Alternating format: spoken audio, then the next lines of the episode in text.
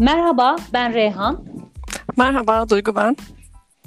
Sizlerle her türlü sanat üretimini ve kavramını iki kafadan muhayil her hafta seçtiğimiz farklı konularla konuşacağız. Bu haftaki podcast konumuz bir 15. yüzyıl Flaman ressamı olan Jean-Lan Aykın, Arnolfini'nin düğünü, evlenmesi veya gelin pek çok şekilde adlandırılan 1434 yılına ait eserinin ikonografik yani sembolik çözümlemesi olacak. Ne diyorsun Duygu bu resimle ilgili? Ee, Reyhan bu resim çok özel bir resim. İlk e, üniversite yıllarında görmüştüm. Değil mi? Ee, ve böyle kendimi resme kaptırdım resmen. Yani bir şekilde seni içine davet ediyor. İçinde kayboluyorsun. Ee, kaybolduğun şeyler de genelde e, müthiş ayrıntılar, teknik yetenek, deha ve e, o Tabii. nesnelerin anlamları. Bu çok önemli. Kesinlikle. Ee, bu resmi kesinlikle okumak gerekiyor. Yani bir matematik formülü gibi belki de kafa yorup tek tek çözmek gerekiyor. Çünkü o dönemlerde resim böyle bir şey. Yani bakıp geçeceğin bir şey değil. Ee, sırlarını çözeceğin, Hı hı. mesajlarını alacağın ve çeşitli anlamlar bulabileceğin, yükleyebileceğin bir şey. Tabii. O yüzden bu resimde bu anlayışı çok güzel temsil ediyor bence. Çok güzel bir örnek. Hı hı. Hı hı. Belki de şey diye düşünebiliriz.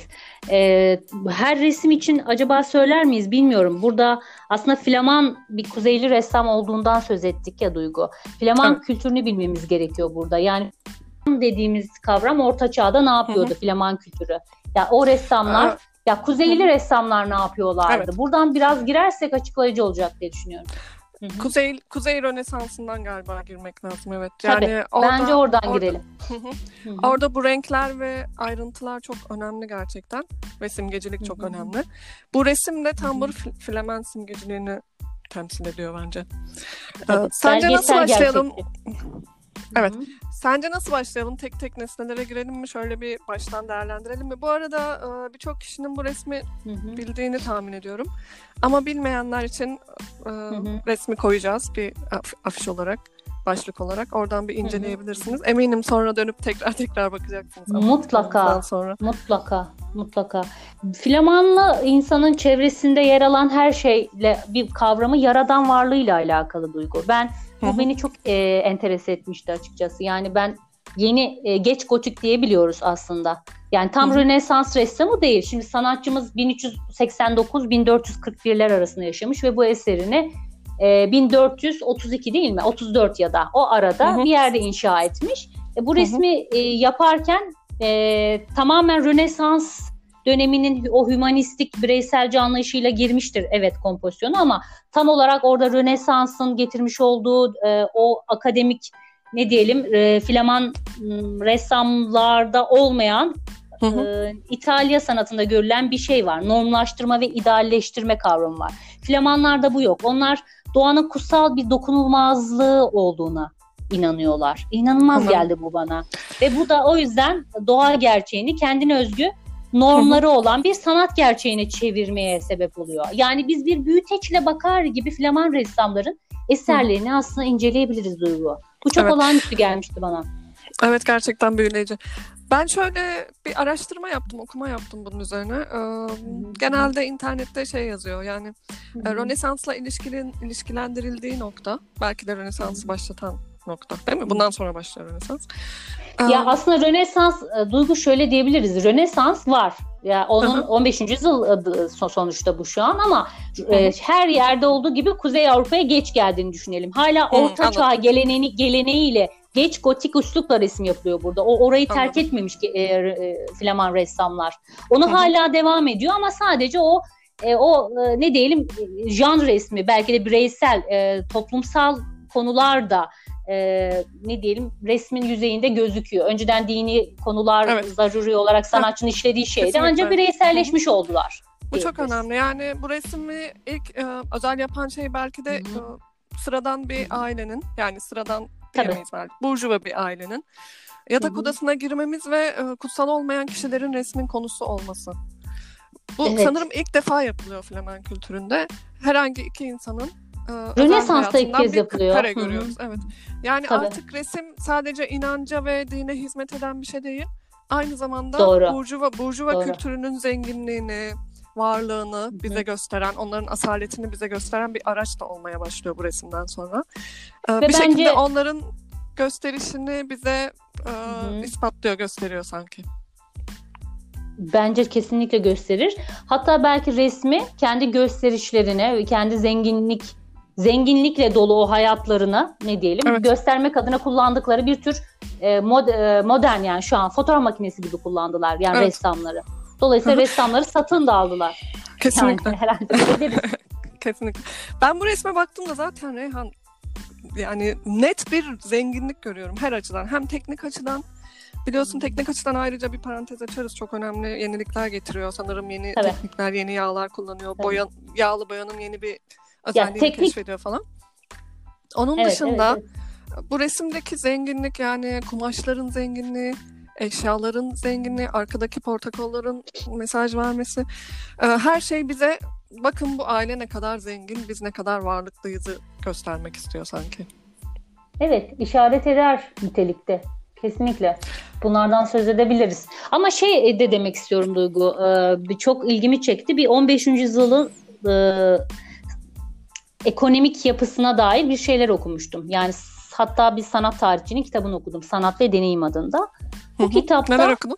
ee, 15. yüzyıl sanat ve deneyim diyor. Bir İngiliz sanat tarihçinin e, ders notlarından falan oluşan bir kitaptı Duygu.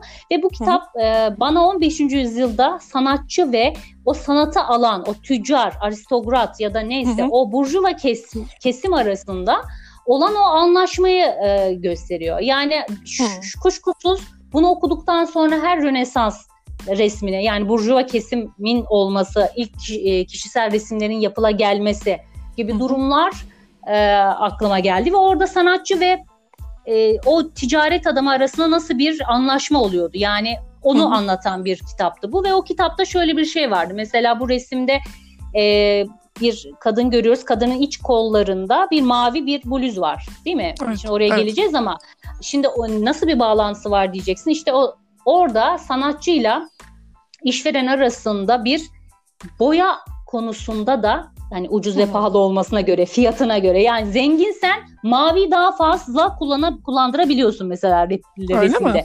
E, tabii ki lapis lazuli denen bir lacivert taşı var ve 1400 şöyle diyebiliriz 1410 ile 90 arasındaki o bu sözleşmelere bakıyorum ben sanatçı ve işveren ya da kilise sözleşmelerine. Burada mesela demiş ki bir ons Meryem'e kullan, mavi kullan, lap- lapis labuz- lazuli kullan diyor. Bir Hı hı. işte iki ons da işte oradaki daha kutsal olan bilmem neye kullan gibi e, dolayısıyla bir ölçüler var. Ön Zenginlik de sözleşme gibi bir şey. Yani şu an biz herhangi bir iş aldığımızda bir ressam ya da bir heykeltıraş olarak Hı hı. sözleşme imzalıyoruz işverenimizle. Bu onun Tabii. gibi bir şey galiba değil mi? Tamamen, Vay, tamamen öyle ve inanılmaz geldi bana. Şey, lacivert taşının ne kadar e, önemli bir taş e, özütü olduğunu görüyoruz. Çünkü boyayı elde ediyorlar ve o taşın ilk özütünden de mora yakın mavi çıkıyor Duygu. Hmm. Dolayısıyla çok Zaten- daha değerli. Zaten değerli olduğu belli çok az kullanmış. Ya, bir etekte şimdi o- görebiliyorum iki de kolda. bir, bir şey söyleyeceğim. Oradan da şunu der misin? Bu o kadar da zengin bir adam değil. O zaman masmavi giyerdi kardeşim. ben olsam Ya da- öyle derdim. ya da belki de mavi taş o kadar pahalı ki. Sadece İşte. bu kadar koyabildiler. Bu kadar koyabildi yani bu hiç öyle paralı maralı değil yani o kadar hava yapmasın bence. bu adam o kadar da zengin değil bence ortanın bir tık üstü bir burjuva diyorum ben yani bu yoksa adı kadın baştan sona mavi olurdu kardeşim yani. Hani Reyhan şeyi görebiliyor musun? Ee, Arnolfi'nin e, suratındaki o soğuk, zengin, snob ifadeyi görebiliyor musun? kesinlikle ve kukla gibi gelir bana o. zengin. Kesinlikle ve kukla gibi bir de yani bir robot Çok- gibi. evet. Kesinlikle yani donuk bir ifade ama aynı zamanda nasıl diyeyim? Aa, Huşu, huşu içinde bir görevinin bilincinde, sınıfının bilincinde ve tabii onun ki, kibrini taşıyor. Kesinlikle. Kibrini taşıyor. O kafasındaki şapkaya ne demeli? O kafasındaki şapka Reyhan zaten o dönemdeki tüccarların şapkasıymış. Yani giydiğin şeyler Aa. sadece resimde değil, Hmm. kıyafetler de günlük hayatta birçok şeyi simgeliyormuş. Bu mor Hı hı, renk hı e, adamın asaletini ve zenginliğini simgeliyor. Çünkü mor cübbeler de o dönemde bunun simgesiymiş. Ama o kafasındaki de direkt onun ticaret yaptığını, zengin olduğunu gösteren bir simge. Her şey simge Ee, bu fotoğrafta. Tabii ki öyle. Şey de- deriz o zaman biraz şeyden söz edebiliriz. Giovanni Arnolfini'den söz edebiliriz. Yani bu adam kimdir? Bu adamdan Nihat Hoca şöyle bahsetmiş. Duygu, e, Flander'da yaşayan zengin bir İtalyan tüccar demiş. Hı hı. Kuzey İtalya'da bulunan Lucca şehrinde doğmuş. Ve hı hı. üstünde e, bununla ilgili de bir şey okumuştum. Yani üstünde bir kabartmalı şey var ya bu hatta e, birkaç tane belgesel de seyretmiştim. O dönemin çok inanılmaz bir şey. Onu da tavsiye etmek istiyorum. Şu an aklıma gelmedi ama bayağı 15. yüzyıl kıyafetlerini tekrar diken diken yaptıran olsa nasıl olurdu hmm, falan anlatan bir güzel. modacı gördüm. Acayip çatlak ve çok tatlı. Ee, orada da görmüştüm ve şeyden bahsetmişti. Bir yanı kabartmalı ipekli kumaş. Yani aslında tekstildeki dili brokar. Brokar hmm. kumaşlar da e, yapan, ithal eden, ihraç eden falan bir adammış bu Arnolfini. Hmm. Yani bugün ha, e, Burgunyo Krallığı'na bağlı e, Bürüj'de yaşıyormuş. Bürüj'ü de şöyle bakarsak e, şimdi tabii dinleyiciler şey diyecek. Brüj hani Flander bölgesinde olan bir yer. Flander bölgesi hı hı. neresi? O zamanki işte Hollanda, Belçika hı. ve m, Fransa'yı da içine kapsayan bir yer. Dolayısıyla tamam. bu tüccarımız orada yaşıyor. Arkadaki portakalları da anlatan bir şey var orada. Çünkü Bürüje o zaman diyor ki portakal gelmiyor diyor. Evet, yani çok zengin bir yerden getiriyorum diyor işte. Galiba evet portakalı Hı-hı. da satıyorlarmış değil mi? Portakal ticareti yapıyorlarmış. O da olabilir. Zaten Nihat Hoca kumaşçı da demiş. Bu arada Reyhan arkadaki pencerenin arkasındaki e, ağacı görebiliyor musun? Yani çok küçük bir ağaç ve arasında üstünde portakallar var galiba ya da bir meyve. E, aslında bu da güzel bir zıtlığı simgeliyor. Sanki bak e, bizim kahramanlarımız, burjuva kahramanlarımız evlenmişler. Kat, kat kat giyinmişler. Hı-hı. Ama arkada aslında yaz var. Bu da sanki şey gibi ne kadar gösteriş yapabiliriz giysilerimizi giyinelim gösterelim kumaşlarımızı falan gibi. Aslında hiç de öyle soğuk bir hava yok yani dışarıda. Ama ressam bunu göstermiş bize aynı zamanda. Yani bunu düşünmemizi istemiş sanki. Yoksa o ağacı oraya koymazdı bence. Mevsimle ilgili bir ipucu vermiş bize arkada. Yani değil mi? Belki de bunları model aldı. Çok da burada tutmadı. Belki hani gerçekten model aldı. Hı-hı. Birkaç eskiz yaptı. Sonra gitti evet. hani giydirdi yani en pahalı kıyafet buydu ya da evet, kumaş evet, bol drape bol kumaş ne kadar çok kumaş o kadar çok zenginlik ya çünkü Zaten kumaşı almak da zor. Zaten onu vurgulamak onu vurgulamak Tabii. istemiş. Bu kumaşlar bize zenginliğe geliyor. Her şey gibi resimdeki. Yani bu zaten arada, o yüzden her şey temsili yani. Temsili. Evet. Bu arada Hı-hı. biraz dedikodu yapalım. bu evlilik galiba daha önce olmuş. Resim yapıldığından daha evet. önce olmuş. Ve evet. kadın bir sene önce ölmüş mü bu resimden? Öyle bir şeyler okudum. Sen bir şeyler duydun mu bununla Ee, ölmüş diyor. Fakat mesela şey de demiş ki e, Nihat Hoca yine e, Jean mı Jane mi öyle bir kadın var. E, bu evlilikte hı hı. daha önce aslında evlendiği kişi. Hı hı. E, yani iki kadından söz ediyor hoca. Yani biraz belirsiz bırakmış. Birkaç e, şey de yazıyor öyle internet gazetesi ama yani ben çok da net bir bilgi alamadım açıkçası. Yani iki kişiden söz ediliyor. Birisi ölmüş de daha evvel. Hı hı. E, bu ikinci karısıymış. İşte hamileymiş. Hamilelik spekülasyonu. Nihat Hoca hamile demiş mesela. Birkaç yerde diyor ki hiç alakası yok. O bir drapedir diyor. Drapeyi e, kollarına iliştiremeyeceğine göre yani kumaştaki drapeyi önüne Hı-hı. iliştirecekti. Dolayısıyla o da ee, öyle gösterecekti. Ben de bir şeyler bir şeyler okudum bununla ilgili. O dönemin kıyafetlerine baktım biraz. Hepsinin göbek bölgesinde, kadın kıyafetlerinin göbek bölgesinde pileler var. Ee, ve şey sadece önünün kabarık durması değil galiba hamilelik savını iddia edenler arkadaki bebek karyolasına da bir, bir şey yapıyorlar. Hani orada bir mesaj var bebek geliyor gibi. Ee, bir şey var ya, sanki. Veya ya o işte doğrudan o da ne kadar gösterir. Bebek gelmiyordur ama öte, ortadaki köpekle sim, e, ilişki kurarak sadakati evlilikte Hı-hı. işte bebek beklentisini arkadaki Azize Margaret e, küçük Hı-hı. şeyini de göstererek hani çünkü Azize Margaret aynı zamanda çocukların yeni doğmuş çocukların koruyucusudur ya. Evet, evet. evet. Belki de e, isteniyor, arzu edilen şey olarak hmm. da gösteriliyor olabilir. Evet. Ya bir de bu kıyafetler şeyi de gösteriyor işte o e, okuduğum şeyde mesela bu drape kumaşlar ve bu bu tarz kesim Rönesans'la beraber bele oturan kıyafetler yapılıyormuş kadınlara. Ama hı hı. bu e, bu çift geleneksel orta çağ e, kıyafetlerinin de hala devam ettiğini de gösterir nitelikte duygu. O çünkü hmm, o, orta çağ drape giyermiş. Yani hmm. incecik bir şey, bol bol kumaş, bol bol kumaş. Yani, yani modayı yakından tabii. takip etmiyoruz. Ee, yani bu bir ediyoruz. kuzey ya zaten. Herhalde e, her yerin kuzeyi biraz geriden gelir ya Duygu. Evet evet. Maalesef öyle yani. bu da geriden geliyor. Hani bir, bir, bir tek bize mahsus değilmiş yani. Neyse. Evet. Reyhan bu resmin e, bunların dışında bu simgeleri birazdan ayrıntılı gireriz. Onun dışında şu arkadaki aynanın bize bir kamera gibi bir film karesi gibi ressamı evet. ve onun yardımcısını ya da bazıları onun noter olduğunu düşünüyor. Nikahı onaylayacak olan noter. Bilmiyorum Hı-hı. artık ikinci kişi kim ama ressamı ve bu sahneyi tersten aynen gösteren bir e, balık gözü kamera görüyoruz orada. Bu çığır açan bir şey gerçekten. Yani asla daha önce yapılmamış.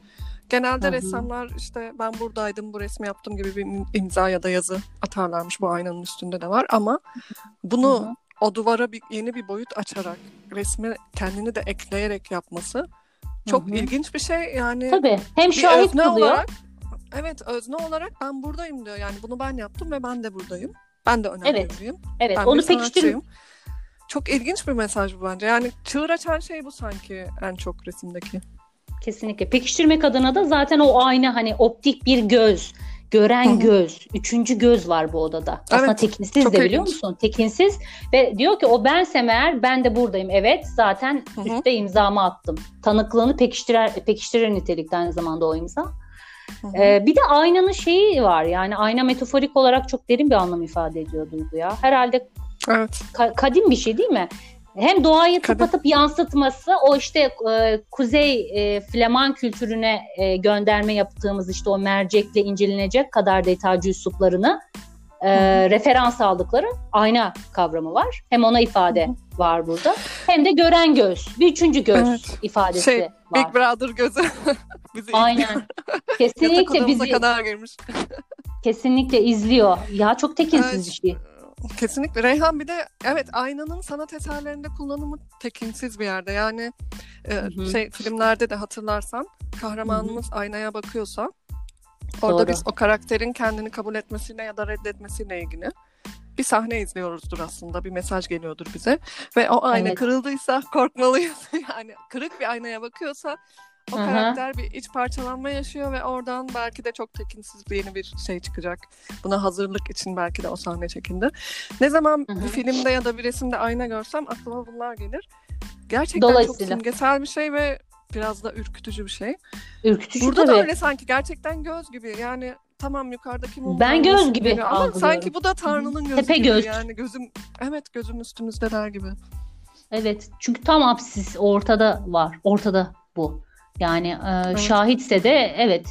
Ha bir de şey de dedik Duygu. Hani şahitlik dedik ama çok bu detaylı baktığımız zaman o ressamı olduğunu zannettiğimiz figürün yanında bir tane daha figür var. Yani o Öyle kim mi? ki acaba? Tabii Nasıl? tabii. İki figür var. Ha, Silüet halinde. Şey, şey ya yardımcısı, asistanı olduğu düşünülüyor ya da noter. Yani ben, nikahı not, onaylayacak hı, olan hı. kişi olduğu düşünülüyor. Ee, bana yardımcısı gibi geliyor ama gerçi bu nikahı kim kıyacak aslında noter, noter olmalı. Hmm, bu da nikah memurunu eve çağırmışlar herhalde. Çok zenginiz abi. Ne kiliseye gideceğim baba gel ayağıma gel. Hani Zaten... bu kadar da olmaz ya yani. Ne şımarık ya bunlar ha. Zaten Arnolfin'imiz elini kaldırmış. Ee, yani hem Şu an evet kutsamak... dedi yani. Evet hem kadını kutsamak e, için olabilir. Bu evliliği onaylıyorum bir aile reisi olarak diyor olabilir. Ya da bazı Doğru. kişiler de şöyle yorumluyor. Gelen ressamı ve noteri karşılama onlara selam verme. Hareketi de olabilir. olabilir. Tam bilemiyorum.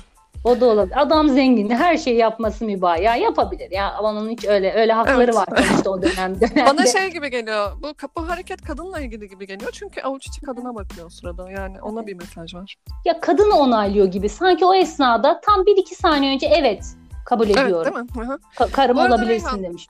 Resim resim üstünde biraz çizimler yapsak. Mesela bir resmi okumanın hmm. en iyi yolu belki de onu parçalara ayırmak üstünde Kesinlikle. geometrik şekiller denemek. Hmm. Bu resim iki figürden oluşuyor. İki ana figür. Çok belirli her şey. Sağ evet. ve solu var resmin. Sağda bir erkek, sağda işte o bize göre sağ, sana göre sol. Ya o işte o direkt baktığımız yönden görelim. Solda evet. kim bakıyorsa zaten. Solda bir erkek. Tamam. Soldaki soldaki erkek, sağdaki kadın. Soldaki renk tonları, sağdaki renk tonları o kadar birbirinden farklı ki. Ee, çok direkt mesajlar görüyorum ben bunda. Hadi bir de toplumsal cinsiyetçilik açısından da okumaya çalışıyorum. Oradan da biraz baktım. Çünkü çok simgesel bir erkek karakter ve bir kadın karakter var burada. Ve onların toplumdaki ta- yansımasını görüyoruz tabii ki.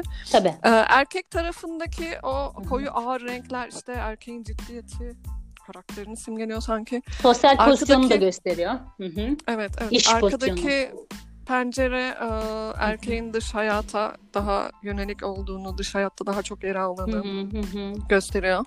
Kadının renkleri ve arkasındaki renkler, sıcak renkler. Zaten yeşil galiba o dönemde. Bence kontrast e, yapmış tabii bir de tam. Yatakla yeşil önüne. doğu evet doğurganlığı simgeliyormuş galiba işte orman su hani do- doğurabilen yeniden var olabilen doğayı simgeliyormuş. O yüzden dişilerde yeşil kullanılırmış şimdiki gibi pembe değil. Ee, arkadaki o yatağın sıcak rengi işte ikisinin arasındaki resimde göremediğimiz adamın o soğuk ifadesinde göremediğimiz tutkuyu belki de simgeliyor bilmiyorum. Ee, ama e, kadın eve ve yatağa dönük rolü belli. Yani değil mi? yer belli. Evet, evet, Erkeğin rolü belli. rolü var. Ee, her her an çıkıp gidebilir. Kapıdan işte ayakkabısını yeni çıkarmış zaten. Dışa dönük bir hayat yaşıyor. Evet. Arada uğruyor falan. Ee, bu açıdan biraz Kesinlikle. resmi cinsiyetçi buluyorum açıkçası. Ama e, bu resmi hiç cinsiyetçi bulmayan hatta tam tersi kadın cinsini yücelttiğini söyleyen çok okumalar okudum. Ee, o da sanırım el el hareketiyle ilgili. Ya da şey de Ee, diyebiliriz Duygu. Eli hareketini tabii ki söyleriz ama başta hani Hı hı. biraz sanki kadına dönük pozitif ayrımcı olan taraf şu olabilir. O da hadi ne kadar zorlama bir yorum tabii. Hani kontrast bir düzleme oturmuş ya figür. Yeşil özellikle. Evet. Arkasına özellikle kırmızı bir yatak eklenerek resmin Evet. en can alıcı noktası. Bak ortada olmamasına rağmen bakar bakmaz kadını görüyoruz. Çünkü o zıtlık kesinlikle. ilişkisini kullanmış. Yani onu Aha. ona biraz torpil geçmiş gibi hani Hmm. o anlamda. Renk Olabilir. O e, başındaki örtü işte beyaz olması ve bir de zaten e, ışığın gelişi bize terliği, e, en önce kadının yüzünü, portresini, elleri ve terliği çok şey e, aydınlatıyor ve arka taraftaki yatağı biraz aydınlatıyor. Çok güzel ışık oyunları var bu resimde gerçekten. mükemmel. Ama evet kadın kadını ön plana çıkarmış ve erkek sanki onu böyle e, gönüllü bir şekilde şey yapıyor. Evet sen öndesin. Bu bu evlilikte sen de varsın. Senin onayın da var der gibi sanki. Bilmiyorum çok mu olumlu bir yani olumsuz gibi geldi bana. Sonuçta 1400'deyiz yani kardeşim. Yani her şey gidip gelip onun doğurmasına falana filana bakıyor. Yok evde bulaşık. Kesinlikle. Bence bu kadın burada hizmetçi olmaya gelmiş. Ben sana Canım benim ya. Şunu şu an üzülüyorum. üzülüyorum yani. Neyse hizmetçi falan olamaz. Muhtemelen temizlikçileri onları bunları şu sular. tabii tabii vardır. toplumsal bir e, rol var ona biçilen. Tamam mı? Onu gerçekleştirmek zorunda. Kafasındaki o beyaz şey de onun böyle çok e, bütün toplum e, için bakire, dokunulmamış, ellenmemiş Tabii tabii. falan, e, Masum. görmek istiyor ya. Böyle görmek istiyor. Hani o da hem masumiyet hem de temizlik simgesi. Evet ama şimdi benim okuma yaptığım o olumlu nokta hani cinsiyetçilik açısından şuradan geliyor. Ee, bu roller zaten bu roller zaten o şeyde var. O, o- toplumda fazlasıyla var o anda. O yaşam koşullarında ve o dönemde. Ee, ama kadının bir resimde bu kadar gösterildiği ve öne doğru itildiği başka resimler çok yok galiba. Var mı? Ee, Var artık ya. Var mı? Hmm. Bundan sonrası süreçte çok daha farklıdır. Yani bu kimin neyi sipariş ettiğine göre değişiyor. Bu bir tüccar, ailevi portföy. Tabii tabii aslında evet.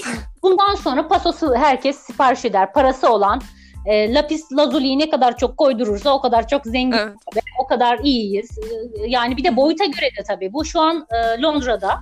Sen gördün. Evet Küçük bir resim Evet ben bu. gittim gördüm. Gerçekten çok küçük bir resim ve e, ama yani çok özel bir resim olduğunu zaten ya şöyle bir şey var Reyhan. Müzeye gidiyorum. Genelde müze, müzeler ücretsiz burada bu arada. E, o yüzden sık sık gidiyorum hem çizim yapmak için hem kafamı toplamak için.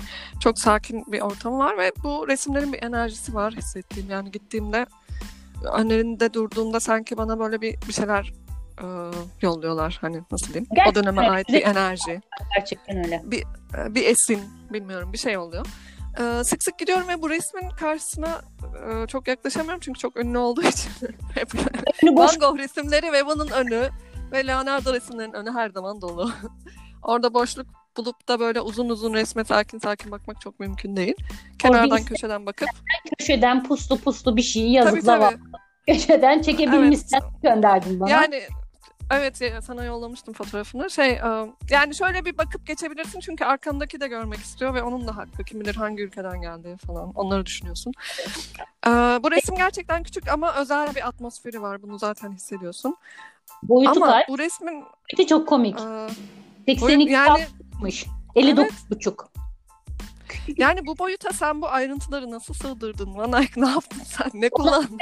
Orta çağ naturalizmi devam ediyor. diyor. En soyutlamaya ya da üslupsal bozulmaya en az uğratılmış resimler bunlar. Yani Evet. o gördüğünü optikten nasıl görüyorsa öyle görmek istiyor yani. Natürel görüyor. Yani evet resim resim o sıralarda bir fotoğraf işlevi görüyor çünkü fotoğraf daha bunun keşfedilmemiş ve e, ne kadar ayrıntılıysa bakan kişi ne kadar çok şey ayrıntı görebiliyorsa o kadar başarılı sayılıyor. E, yani şu aynanın üstündeki İsa hikayesi onları tek fırçayla falan yaptı herhalde. Fırçanın tek kılıyla yaptığını düşünüyorum ya da işte Aa, köpeğin tüyleri. aynen. Pasyon sahneler İsa'nın çilesini anlatan 10 adet panel var. Onların içerisinde küçük küçük değil mi? Evet. İsa'nın çilesini anlatan sahneler var. Resmin tam Ve anlatıyor da Reyhan. Anlatıyor yani. Muhteşem ya. Muhteşem. Ya, bu ustalığa gerçekten şapka çıkarıyorum ve e, yorum yapacak şey bulamıyorum. O o kadar ne kadar tırnağımızdan küçük bir parça zannediyorum. Küçük tırnağımızın Evet. e, Evet tırnağımızın Değil yarısı mi? kadar. o kadar falan bir detayda işlemiş. Bence çok ince bir e, tek kılla falan işlemiştir diyorum. Kedi kılıyla falan. Evet. Ya da ne bileyim. Evet. Sanırım Reyhan şu teknik kısımlara gelelim istersen.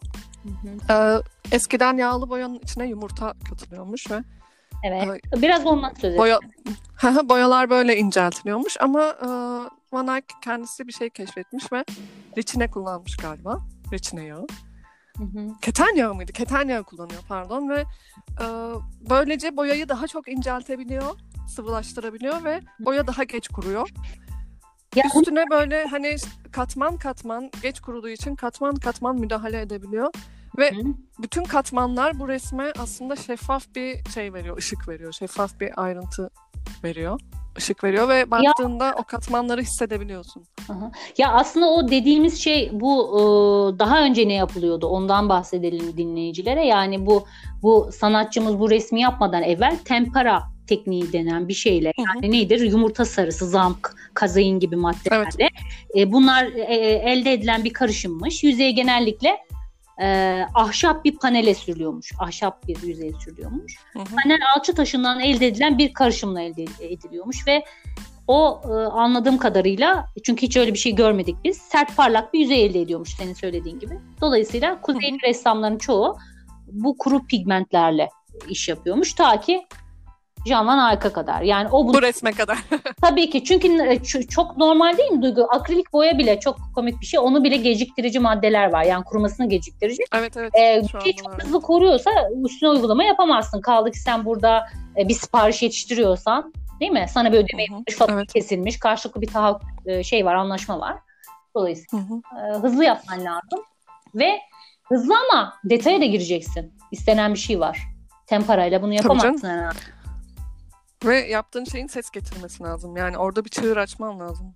Teknik olarak, çok çok meşhur. metin olarak. Ya, Jean Van Eyck'ın aslında kilise ressamı ya hala hali hazırda orada çok önemli işte Belçika'da çok önemli ga- şeylerde katedrallerde altar panoları var. Ha, Bir şey söyleyeceğim bu bir altar panosunu görme şerefine nail oldum Duygu Metropolitan Hı, anlatsana. Muhteşem bir şey hala bir gözlerimin önünden gitmiyor diyebilirim ben sana. Hatırladığım şey bu ım, ismini hatırlayamıyorum. Ee, Cennet İsa'ya varış mı? Cennete son o, o tarz bir şey çok özür dileyerek hatırlayamıyorum. Ama Hı hı. tabii ki cam bir e, panelin ortasına konmuş çünkü çok değerli bir şey. Bir panel e, şey yani böyle hatta triptik bir işmiş ama tek parçası kaybolmuş.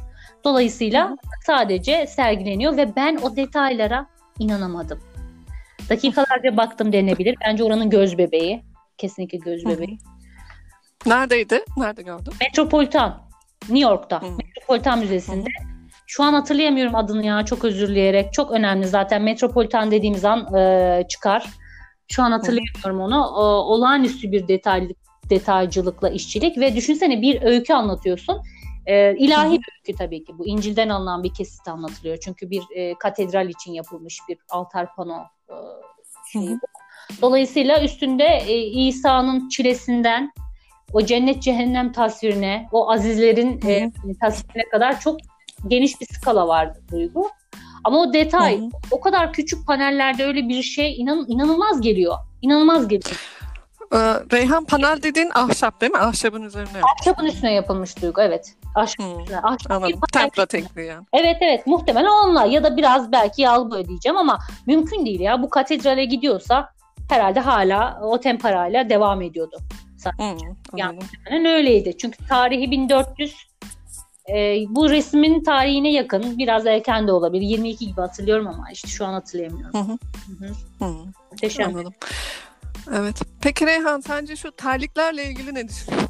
Takı Ortaya böyle güya güya gelişi güzel bırak, bırakılmış ama tabii ki oraya çok büyük bir özenle yerleştirilmiş olan terlikler. vallahi şey Bir, ön, e, bir önde var bir de arkada var.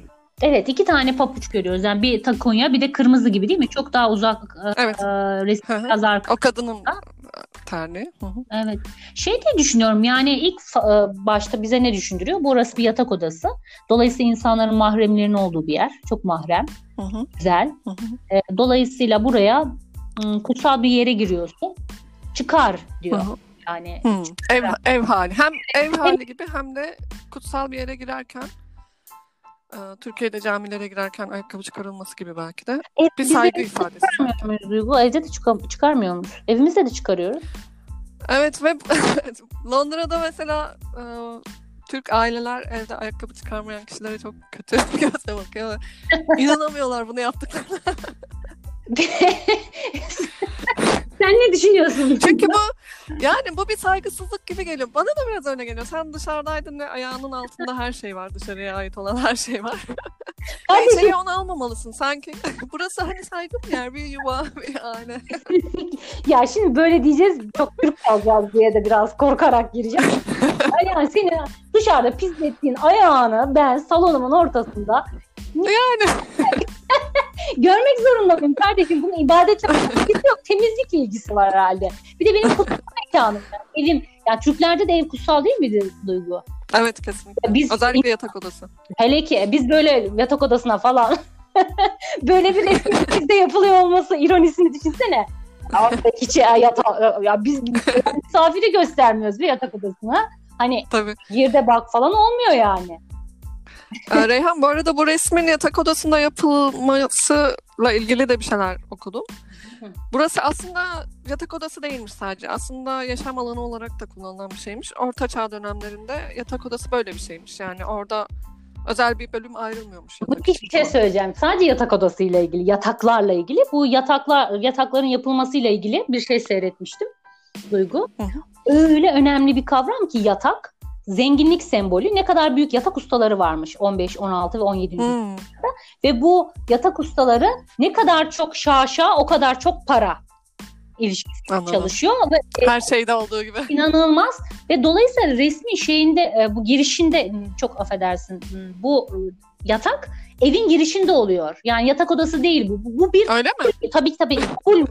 Yani bak ben şöyle gel bir hmm, yatak gayet güzel. Şay param var. bak bu süper. Hatta şey Ayakkabılarını burada çıkar. yatamıyormuşsun biliyor musun? Aslında sembolik bir yatak duygu. Yatılan bir yatak değil. Öyle mi? Tabii tabii yattığında öyle Çok ge- ilginç. gevrek gevrek uyuyamıyorsun be. Vermişin kaç frank. ya. Hmm, anladım. O zaman şey e, bu bu bir simge yani ben ne kadar zenginim onu göstermek için bir eser. Eser ben onu eser Sanat eseri. görüyorum. Tabii en son işte Fransa'nın sor- söylemişti e, hatta o belgeselde de çok şaşırmıştım. Bir en son yapılan e, yatağı da görmüştüm. Şoka girmiştim artık. Dedim ki yani bir yatak bu, bu nasıl bir yere ulaşabilir? Ya bu buraya nasıl ulaşabilir? Evet, çok ilginç. Yani o şaşa bildiğin e, perdelik kumaştan tut aklına bir gelebilecek bir sürü e, pompon, şey, çiçek deseni, an- jakarlı kumaş. Evet, Reyhan yaşam tarzları ne kadar değişmiş değil mi? Yani orta çağda zenginlik nasıl bir şeymiş, e, ev yaşamı nasıl bir şeymiş, ev nasıl bir şeymiş. Çok ilginç dekorasyon. Burada e, ablamla sık sık biz geziyoruz şeyleri. Eski saraylar, e, tarihi evler e, açık oluyorlar genelde halka. Hı hı. Birkaç tanesini gezdiğimde şeyi fark ettim. Çok küçük yani. Odalar çok küçük. Bak bu resimde de öyle mesela. Yatağın e, yanındaki boşluk ne kadar? Ondan sonra hemen pencere geliyor. Yani aslında çok küçük bir odadayız şu anda. Ama çok da zengin bir odadayız aynı zamanda. Günümüzde zenginlik yani ne kadar geniş, Oluyla. ne kadar geniş odaların varsa o kadar zenginsindir biliyorsun. Hı hı. Ama e, eskiden hiç öyle değilmiş. Ya da Yani işte bu bir sunak çok küçük, odası. odalar çok küçük. Ya da bu sunak odası işte. Zenginlik e, ihtiva eden eşyaların bulunduğu bir oda olduğu için belki de küçük. Yani bir tür küçük minyatür oda belki hani. Daha Hmm. büyükleri yukarıda belki. Aa. Öyle diyorum tabii. Yok odaların hepsi genelde çok küçük Reyhan o Hmm. dönemdeki evlerde. Yani burada gezdiğim evlerin hepsi Bu öyle. o, o Yani yaşam alanları çok küçükmüş eskiden. Gittikçe büyümüş. Yani insanlar kalabalıklaştıkça niye bu kadar büyüttük anlamadım. Tam ters orantı olmuş yani. Saçma olmuş biraz ama. Ee, hatta şu anda biliyorsun bir sürü akım var aslında bu kadar büyük yani. evet ağaç evler falan yapılıyor. Daha küçülüyor Daha insanlar. odalara ihtiyacımız yok, eşyalara bu kadar ihtiyacımız yok. Yani minimalist yaşayan insanlar var. Ee, Doğru. Eskiden bu minimalist yaşam zenginlikmiş de aynı zamanda. Çok ilginç. Ve yakınlık değil mi Duygu? Dikkat et Evet. mesela çok Sıcaklık. E, Sıcaklık. Mesela mutfakta otururuz çoğunlukla biz ailecek. Neden? Mutfakta masa daha yakındır, sıkışıktır ve daha çok Evet. sohbet edersin göz göze. Git şöyle bir 80 metrekarelik bir salonda sohbet etme ihtimalin yok. Yani mekan mekan ne kadar büyüyorsa sen o kadar uzaklaşıyorsun. Hı hı.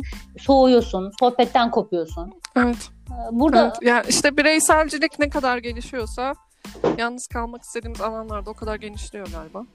Eskiden biliyorsun yani aileler birlikte yaşarmış. Amcalar, amcaların eşleri, dayılar bilmem ne. Evet. Sülalecek birlikte yaşarmış. Türkiye'yi anlatıyorsun herhalde. Emmisinin rolüyle kalan kim kaldı be? evet.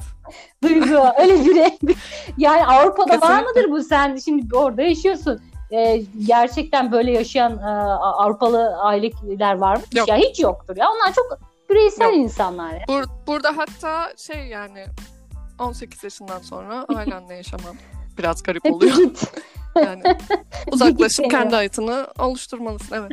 Geçenlerde bir şey Bak resimden nerelere geldik Reyhan görüyor musun? Ay, bir resim insana ne kadar çok şey konuşturuyor. Bu çok güzel bir şey bence.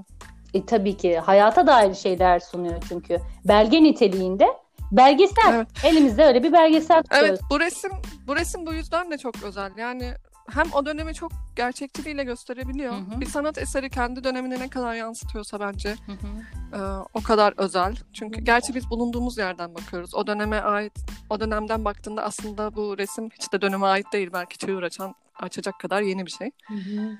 E, ama baktığımızda biliyoruz ki bu resmin açtığı kapılar sonrasında sanatı nerelere getirecek. Hı hı. bu değerlendirmeler çok güzel ve bu bu değerlendirmeleri bize ne kadar verebiliyorsa o resim o kadar özel oluyor. Kesinlikle. Bir de şeyden söz ediyordu Duygu. Perspektif hani katman katman bakalım dedin ya. Perspektif kurallarının da ilk uygulandığı kuzey resimlerinden bir tanesiymiş. Zaten Rönesans perspektif kavramını getiriyor güne e, hı. gündeme fakat hatta işte çizgisel perspektif, hava perspektifi, Leonardo'nun Hı, bununla ilgili çalışmaları vesaire var da kuzey hep geriden geldiği için kuzeyde bunu daha önce algılıyor olabilmek de bir e, mucize gibi Hmm. neredeyse. Hatta orada Evet. işte ilk kullanılan perspektif diyebiliriz bu resme. Yani o anlamda da Hmm. ilkleri anlatıyor. Şu imzaya gelmek istiyorum esasen. Hani imza dedik ki aynanın üzerinde bir imza var. Evet. İzleyenler orayı hı. çok incecik bir şey ama şey diyor. Jean Van Eyck da buradaydı diyor. Latince bir Evet. şeymiş. Hı hı. Ee, şeyden bahsediyor aynı zamanda bu. Anımsayamadım. Bir şey söyleyecektim ya. Ee, tanıklığını belgeliyor. Yani evet şeyler atılıyor galiba. Ee, buradaydım gibi. Bir şey söyleyeceğim. Ha, imza ile alakalı.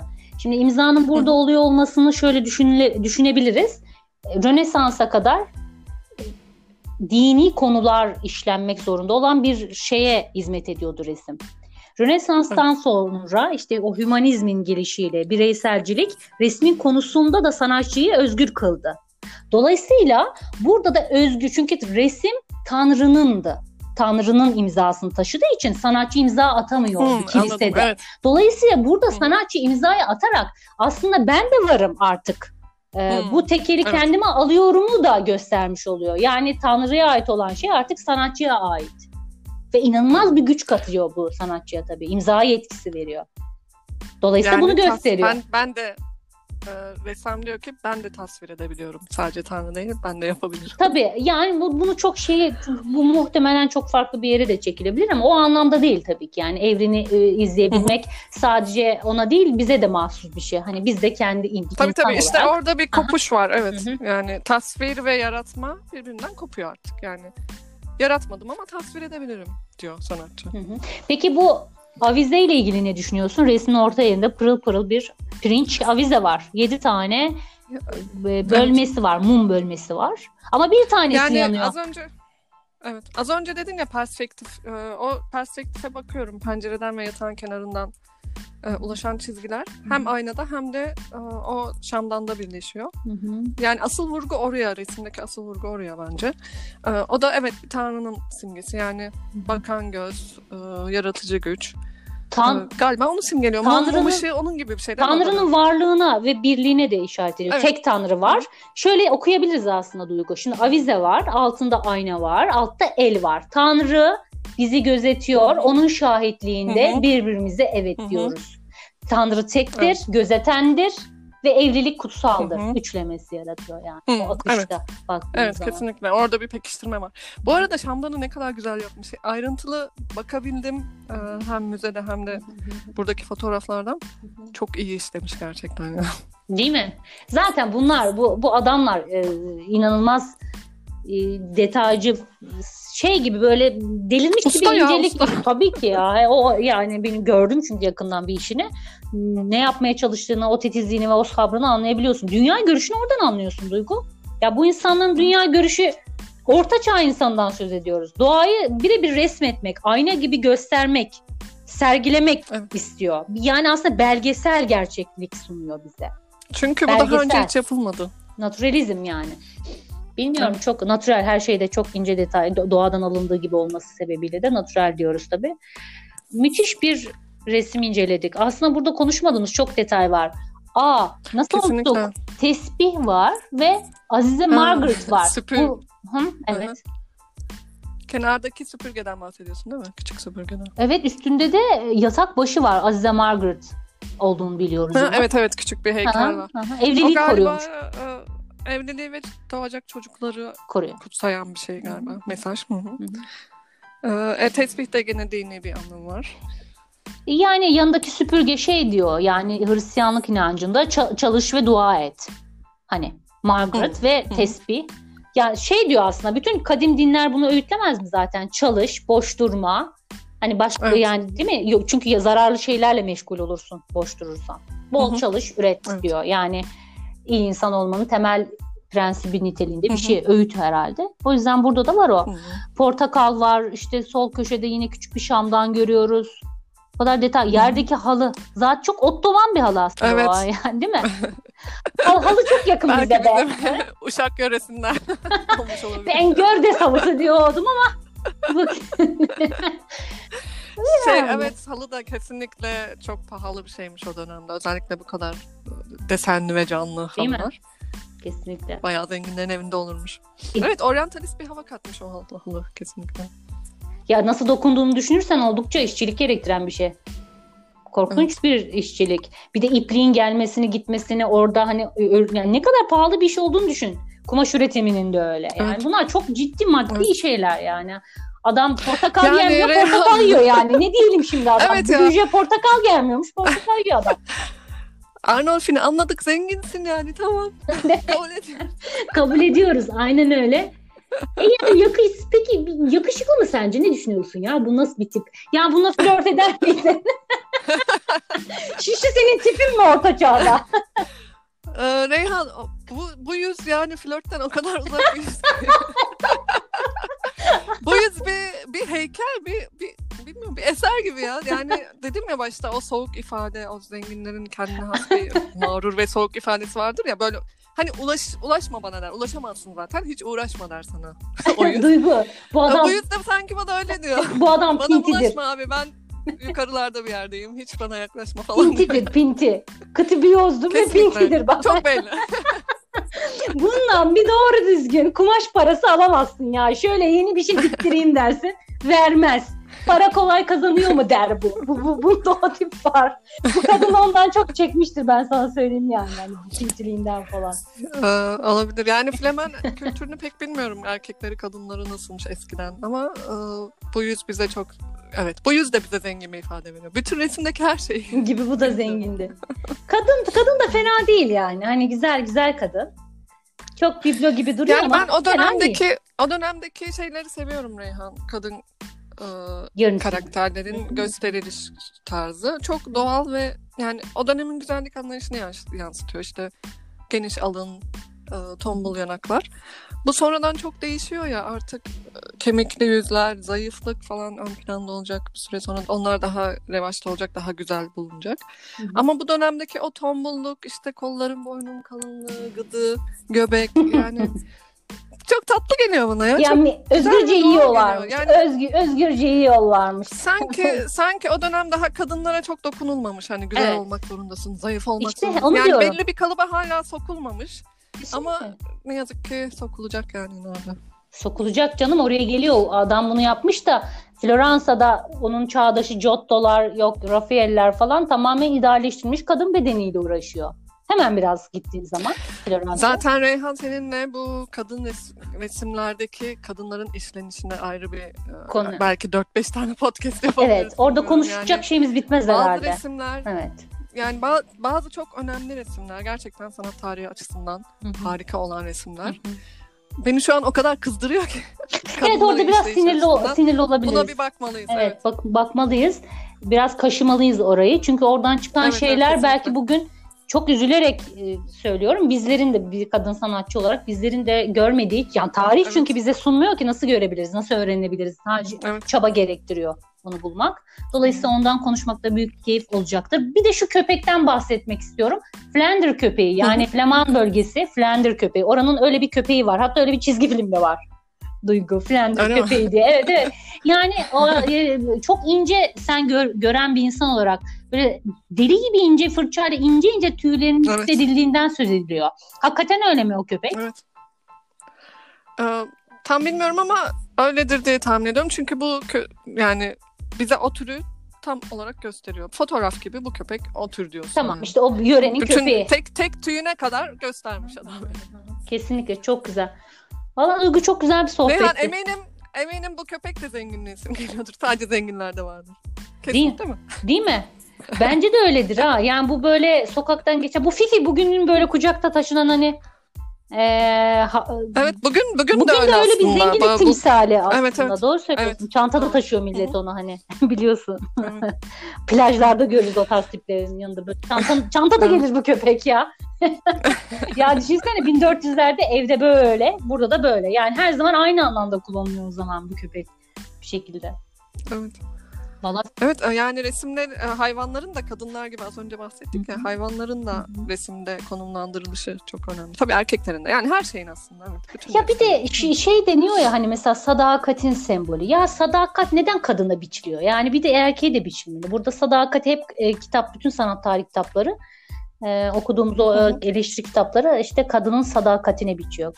Yani sadakat sadece kadının tek elinde olan bir şey. Yani burada ev e, buradaki erkek de bunu yapmak mecburiyetinde. Dolayısıyla e, evliliğin sadakati diyelim yani bunu herhalde öyle Hı, konuşmalıyız. genelde o öyle da- deniyor. Acayip Hı hı. bir şey.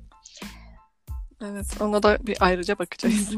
Valla başka var mı ekleyeceğimiz şeyler? Ee, yok yani yeterince anorfinin zenginliğini konuştuk gibi geldi bana. Bence de. Takdir ediyoruz ya. Ke- Kesinlikle e, bir başyapıt olduğuna hemfikiriz herhalde ve benim de Evet. bayıldığım ben gotik ressamlara bayılıyorum Duygu. Öyle söyleyeyim. Saatlerce Hı hı. seyredebilirim. En bayıldığım Hı hı. ressamlar arasında. O yüzden e, ayrı bir seviciliğim var bu sanatçıya ait e, rese- eserle. Evet bu resmi bu resme bakmak da bu resmi konuşmak da çok eğlenceli, çok keyifli. Kesinlikle. Umarım herkes de keyif almıştır. Umarım dinleyenler de. Bun- Evet. Bundan sonra da e, resimlere bakıp yeni sohbetler yapmaktan zevk alacağız. Yeni okumalar yapmaktan. Ve bu resmi de inceleme fırsatı bulmaları için de bir e, şey oldu. Ön ayak oldu bu konuşmak. Evet. Ya gidip bu resme Evet, bir açıp bir bakın. baksınlar yani. Böyle bir resim var mı? Evet bakın. Kesinlikle. O zaman görüşmek üzere diyorum. Görüşmek üzere. Hoşçakalın. Hoşçakalın.